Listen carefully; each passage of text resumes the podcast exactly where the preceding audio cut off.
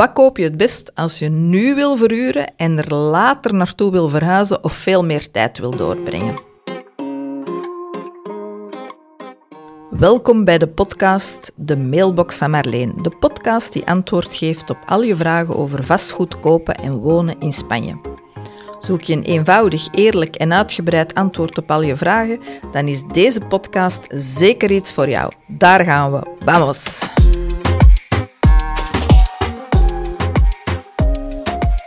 Wat koop je het best als je nu wil verhuren en later er naartoe wil verhuizen of er veel tijd wil doorbrengen? Er zijn een aantal zeer belangrijke aandachtspunten.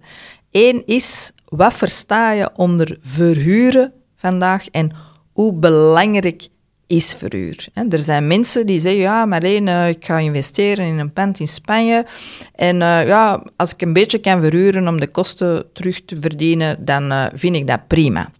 Uh, er zijn andere mensen die zeggen, nee, nee, nee, dat moet echt wel geld opbrengen, want ik heb een hypotheek af te betalen, enzovoort. Dus als je iets wilt kopen dat je nu wilt verhuren en uh, het is superbelangrijk dat het uh, geld opbrengt, ja, dan moet dat zich ook weer spiegelen in het type pand dat je koopt. Hè. De vragen die huurders altijd stellen is, is het ver van de zee en heb je een zwembad? Hè. Dus dan zou je zeker vandaag iets moeten kopen dat aan die twee punten al voldoet.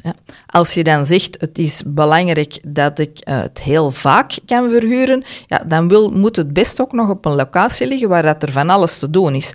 Want in de zomer is het overal druk en dan zal je die huurders wel kunnen aantrekken. Maar als je in de winter ook wel huurders wil hebben, dan moet je zeker zorgen dat die mensen daar ook nog dingen uh, kunnen doen. Nu, als je dan zegt van ik wil er later naartoe verhuizen, ja, dan uh, is de eerste vraag die je moet stellen, is wanneer is dan die later? Hè? Is dat binnen vijf of zes jaar of is dat binnen tien jaar? Enzovoort. Hè? Um, als je nu een pand wil verhuren, hetgeen dat je dan zelf wil doen op het moment dat je naar dat pand gaat, dat is waarschijnlijk nog altijd vakantie houden of eventueel een beetje vanaf daar werken, maar dat is niet hetzelfde als wonen. Eens dat je daar gaat wonen, dan heb je totaal andere behoeftes. Um, ik woon in een vissersdorp vandaag. Voor dezelfde prijs van dat pand waar we vandaag in wonen, kan ik op een berg gaan zitten met fantastisch zeezicht. Um, als ik niet werk, zou ik misschien ver van de zee en fantastisch zicht van, heel leuk vinden. Maar als je wilt verhuren, uw uurklant wil dat niet. Hè. Dus um, wij zijn zelf met 15 uh, eh, mensen ondertussen. Die, van die mensen die in Spanje wonen, als ze bij ons beginnen te werken, huren ze meestal iets en ze huren allemaal iets aan zee.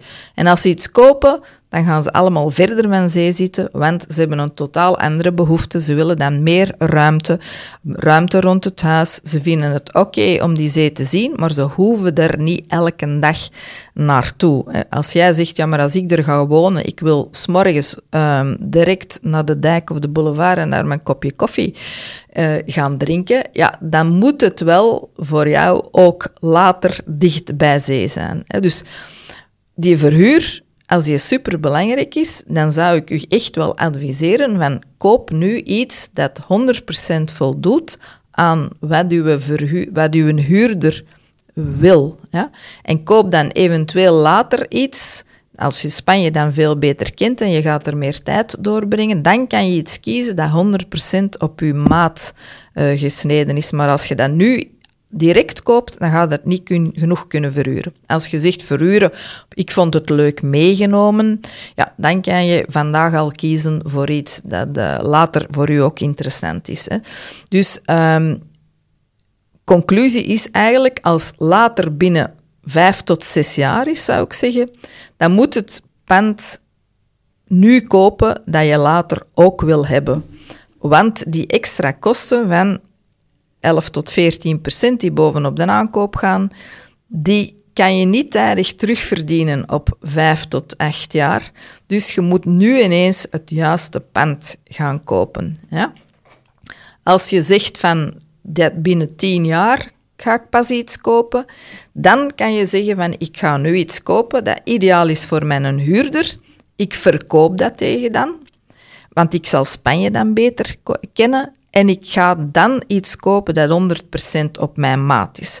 Dat is ook altijd het advies dat ik gaf en dat in de twee boeken die ik geschreven heb, eh, Zo koop je een huis in Spanje en Hoe koop je een huis in Spanje, wat ik als advies heb gegeven. Daar is nu echter een grote maar aangekomen en dat is dat Spanje sinds begin van dit jaar heeft beslist dat tegen 2033, dat lijkt ver weg, maar tien jaar in vastgoedwereld is niks, dat binnen tien jaar moet Spanje de woningen moeten minimaal een D hebben als je de woning nog wilt verkopen of verhuren.